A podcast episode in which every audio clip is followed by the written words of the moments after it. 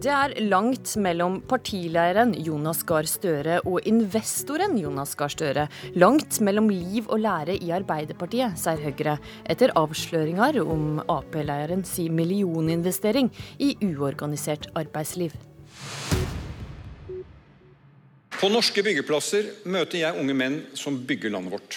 Noen tok med seg arbeidskontraktene sine for å vise meg, og der sto det sitat, 'For tiden mellom oppdrag betales ikke lønn'. Det nye arbeidslivet kaller noen det. Men dette er jo ikke nytt. Dette har vi sett før. Men da kalte vi det løsarbeidersamfunn. Arbeiderne sto med lua i hånda. Nå står de der med mobilen i hånda og venter på oppdrag.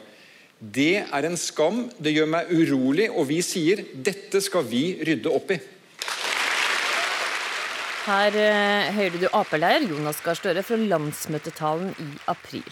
Men før helga så avslørte Dagbladet at Støre har investert i to boligprosjekt i Oslo, der eh, det avdekka arbeidsforhold ganske lik de med høyde Støre skildrer her. Tilsatte jobber uten tariffavtaler, og eh, fast tilsatte får ikke lønn mellom oppdrag. Og um, Anniken Huitfeldt, leder i utenrikskomiteen og stortingsrepresentant for Arbeiderpartiet. Hvor bevisst var Støre på å sjekke styrke arbeidsforholdene for de ansatte da han investerte i disse prosjektene? Han har vært opptatt av at de skal følge norsk lov.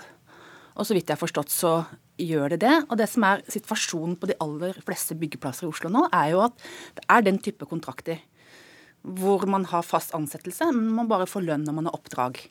Og det har gjort det veldig vanskelig for det organiserte arbeidslivet. 20% av de som jobber på byggeplasser i Oslo, er organiserte. Slik at eh, det er viktig å gjøre noe med lovene på dette området. og Derfor har vi fremma forslag i Stortinget om å forby den type kontrakter. Så Jonas Gahr Støre syns det var greit å investere sine penger i slike byggeprosjekt så lenge de fulgte norsk lov? Altså Han har eid 3 i et investeringsselskap. Han har ikke hatt mulighet til å følge med hvordan de, eh, hva slags kontrakter de har. Men når dette ble avslørt, så har han sagt at han vil trekke seg ut av dette prosjektet. Men det viktige er jo å gjøre noe Men regna da Støre med at eh, det var bedre arbeidsforhold på de prosjektene han investerte i, enn de han hadde vært og besøkt? Altså, han har vært opptatt av at uh, de byggeprosjektene han har investert i, skal følge norsk lov. Det gjør de. Men så er det sånn at vi vil endre loven og gjøre det annerledes, slik at det blir vanskelig med den type innleie, som gjør det veldig vanskelig for de som jobber på, på byggeplasser i Oslo. Så det var jeg, jeg, prøver å forstå, var det greit eller ikke greit at Støre hadde eh, penger investert i byggeprosjekt der ansatte da står med mobilen i hånda, som han sier? Altså, Han har jo sagt at han ønsker å trekke seg ut av dette prosjektet. Men burde han gjort det før Dagbladet lagde sak på det? Burde han skjønt at de prosjektene han sjøl hadde investert penger i, var lik de byggeprosjektene han hadde besøkt? Altså, dette har vært en slags passiv investering, hvor han har brukt penger i et investeringsselskap hvor han har 3% Han har ikke kapasitet til å følge opp alle kontrakter som entreprenøren inngår med underleverandører. Og når han ikke har tid til det, så sier han at da er det bedre at jeg trekker meg ut. Slik at eh, jeg er sikker på at de både følger norsk lov, men også at det blir eh, gode arbeidsforhold for de som jobber i disse prosjektene. Mm. Henrik Asheim, stortingsrepresentant for Høyre. Kan Støre snakke med Truveid om manglende rett eh, på arbeidsplasser når han sjøl tjener penger på sånne byggeplasser, eller har tjent? Jeg syns iallfall det er eh, ganske åpenbare doble standarder. Fordi Jonas Gahr Støre har reist rundt på, fra talerstol til talerstol på Arbeiderpartiets landsmøte, som vi hørte her, på 1. mai, på LO-kongressen og kritisert denne type kontrakter. Eh, han var jo også en mann som nektet å møte norske unge gründere fordi han mente at de jobbet for mye, som Dagens Næringsliv avslørte. Eh, og da har du på en måte reist rundt både med en veldig lang pekefinger mot alle andres arbeidskontrakter og måten de jobber på, og så viser det seg at han som privat investor har investert deler av sin betydelige private formue inn i en eh, eiendomsutvikler som bruker de samme kontraktene som han eh, kritiserer. Så han har reist rundt på talerstoler og advart eh, fagbevegelsen mot seg selv. Og det blir ganske parodisk. Parodisk. Han har ikke brukt pekefinger. For det han har sagt, er at vi vil endre loven. Vi må styrke Arbeidstilsynet, slik at det blir mer oppgjør med arbeidslivskriminalitet. Vi må hindre den type nulltimerskontrakter. Og vi må fjerne loven om midlertidige ansettelser. Så vi vil jo møte dette med en politikk. Men det blir jo også litt dobbeltmoral fra Høyres side å kritisere Støre for dette, når vi har fremmet forslag i Stortinget om å gjøre det ulovlig med den type kontrakter. Så du er mer sint på at Støre gjør det, men du vil ikke gjøre noe med det politisk. Altså- for den type forhold i arbeidslivet, den møter vi med politikk. Og det har jo Høyre stemt imot alle våre forslag. Vi kan gjerne ta en runde snart på hva vi gjør på arbeidslivsspørsmål og hvordan vi skal bekjempe dette. Men jeg synes jo, sant, når du sier at han er en passiv eier, ville du akseptert det svaret fra noen annen privat investor som ble avdekket denne typen kontrakter, at nei, men jeg er bare en passiv eier, så jeg har ikke noen kontroll på dette. Eh, og hvis han faktisk mente noe med det, så burde han jo demonstrert da, at du som privat investor kan bygge boliger i Norge uten å ha denne type kontrakter. En lov er jo ikke et tak på hva du må gi, det er et gulv på hva du må gi. Så han, hvis han mener dette så sterkt, så burde han jo brukt eiermakten sin til å delta i generalforsamlinger eller hvordan de organiserer seg der, og faktisk påvirke disse forholdene. Men i stedet så bare trekker han seg ut og sier at eh, liksom toer sine hender og sier at jeg er en passiv eier. Og da kan du ikke samtidig fyke rundt og være veldig høy og mørk og kritisere alle mulige andre når du selv er et veldig aktiv aktør i et byggeprosjekt og ikke eh, ta kontroll på denne type kontrakter. Burde ikke Støre ha eh, som investor brukt eiermakta si, Huitfeldt? Han bruker eiermakta si ved å trekke seg ut av prosjektet. og Dette er jo vanlig bl.a. en del andre fond. er at Når man avdekker at det er brudd på forhold som vi ikke ønsker fra norsk side, så trekker vi oss ut av selskapet. Så Det er jo en form for aktivt eierskap. Men det er sånn at han har eid 3 i et investeringsselskap, og de følger norsk lov. Men de benytter seg av kontrakter som er helt vanlige, dessverre, på byggeplasser i Oslo. Ja, og, og da altså, mener jeg at det handler om politikk. 3 Det er jo begrensa hvor mye makt han vil ha over et prosjekt som han bare eier 3 Selvfølgelig har du makt. Altså, måten vi diskuterer dette på Stortinget når det kommer til oljefondet, f.eks., som er skattebetalernes penger, så sier vi jo at det er viktig at oljefondet kjøper seg inn i en del prosjekter, kanskje bare med 2-3% for da har vi en eiermakt til å løfte denne typen diskusjoner.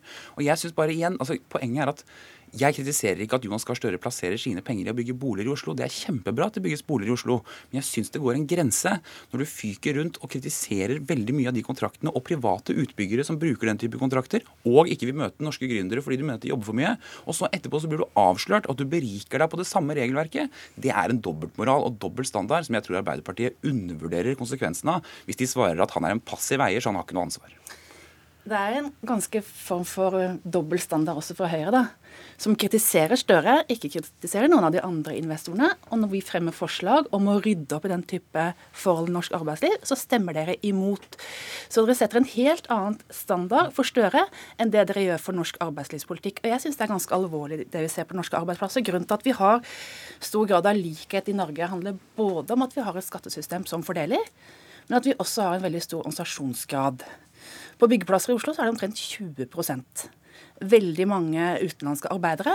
Og da har vi fremma en rekke forslag om bl.a. styrke verneombudsordninga, styrke Arbeidstilsynet, øke fagforeningsbidraget. Og vi skal fremme alle disse forslagene i Stortinget 9.6. Dere sagt at dere er imot.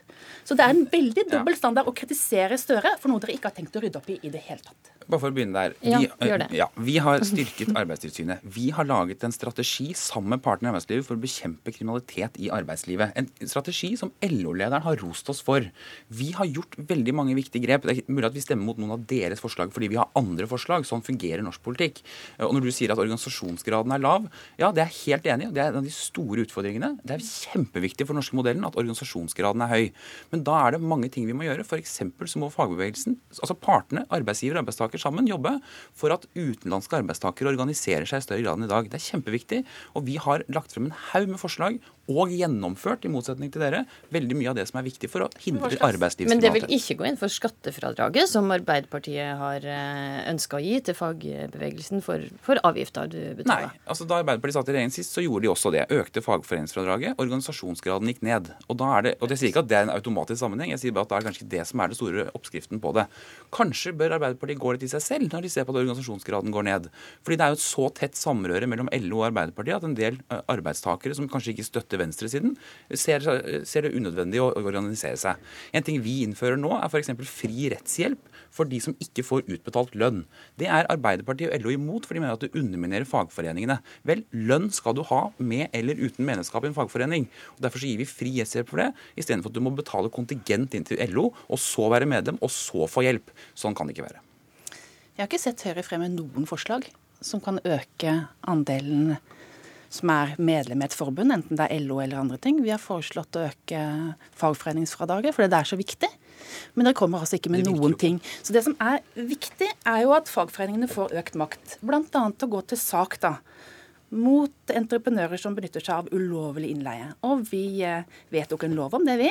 Og det var det første Høyre fjerna når de kom i maktposisjon. Så de virkemidlene som Høyre har fremma, sier jo bl.a. Arbeidstilsynet. Når man innfører lov om midlertidige ansettelser, så er det vanskeligere, sier ikke jeg, det sier Arbeidstilsynet, å bekjempe arbeidslivskriminalitet. Så de forslagene som Høyre har drevet fram i denne perioden, har hatt ingen virkning.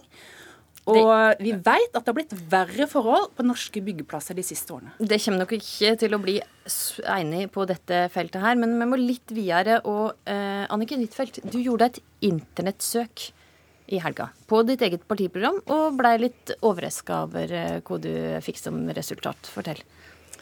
Jeg skulle klippet en tekst fra Arbeiderpartiets partiprogram fordi jeg hadde den bare på print hjemme. og Da søkte jeg Arbeiderpartiet, partiprogram 2017.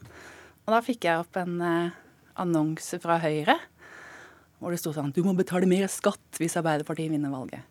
Så det er ikke akkurat samsvar da mellom det Høyre sier, at, eh, at eh, de ikke skal kritisere andre, og det som er faktisk tilfellet. Dobbel standard. Dobbel standard også her. Henrik Asheim, hvorfor har Høyre betalt deg annonse? som skal komme opp når du søker på Arbeiderpartiet sitt partiprogram. Dette er ikke noe bare Høyre gjør, Arbeiderpartiet gjør det selv. Apropos doble standarder. Hvis du går inn på Google og søker på Høyre pluss TISA, som er en sånn arbeidstidsavtale, så første du får opp da en Arbeiderparti-informasjonsside om TISA og Arbeiderpartiet. Mm. Sånn at dette er noe alle partiene gjør. Men poenget er at Ikke negativ kampanje? Nei, for vi kan godt sitte her og slå hverandre i huet om hvem som gjør det mest. Men vi trenger ikke det, for NRK har telt opp dette. NRK har sjekket hvilke partier som er mest negative i sosiale medier, og hvilke som er mest positive. Høyre og KrF kom best ut med å snakke mest om egen politikk. Blant de verste var Arbeiderpartiet. Ja, det var en litt enkel undersøkelse du, du refererte jo, der. Vi trenger ikke å sitte her og slå hverandre i huet på dette. Det er bare å sjekke den saken hvor NRK faktisk har sjekket de sosiale mediepostene partiene har. Hvem snakker mest om egen politikk? Hvem kritiserer mest andre? Så når du snakker om doble standarder, vel, det er jo akkurat det du har når du sitter og googler dette og kommer opp med det, og så har du ikke sjekket alt annet Arbeiderpartiet gjør på sosiale medier. Kom også verst ut i en undersøkelse fra NRK. Littfeldt. Ja, altså, vi sponser ikke negativ reklame hvis du søker på Høyres partiprogram. Og Det som er spesielt med Høyre i denne saken, er at eh, når vi på vårt landsmøte kritiserte Høyre for å øke forskjellene, kutte skattene for de som er, mm, har eh, aller mest, eller ikke gjøre noe for å skape arbeidsplasser i Norge, så, så sier Høyre og Arbeiderpartiet bare kritiserer. Vi skal snakke om egen politikk. Men dere gjør ikke det. I dag har du, har du kommet på Politisk kvarter og slått til mot Støre. Dere lager annonser som kritiserer Arbeiderpartiet. Så det at dere sier at eh, vi kun kritiserer, det gjør dere bare for å hindre kritikk om den retningen som Norge går. Så jeg syns dere bare kan innrømme. Vi kommer til å kritisere dere. Eh, vi kommer til å kritisere. Det har vi merket. Ja, Og dere kommer til å kritisere oss. Men liksom ikke vær sånn skinnhellig og si at vi driver ikke noe kritikk av Arbeiderpartiet, for det gjør dere framfor ja, noen andre. Selvfølgelig gjør vi det, men jeg sier at når du sier at vi er de verste på å kritisere, så har man sjekket det, og det er dere som er det.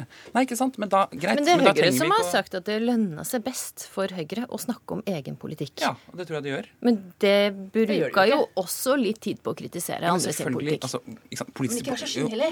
Altså, Høyre er litt sånn skinnhellig.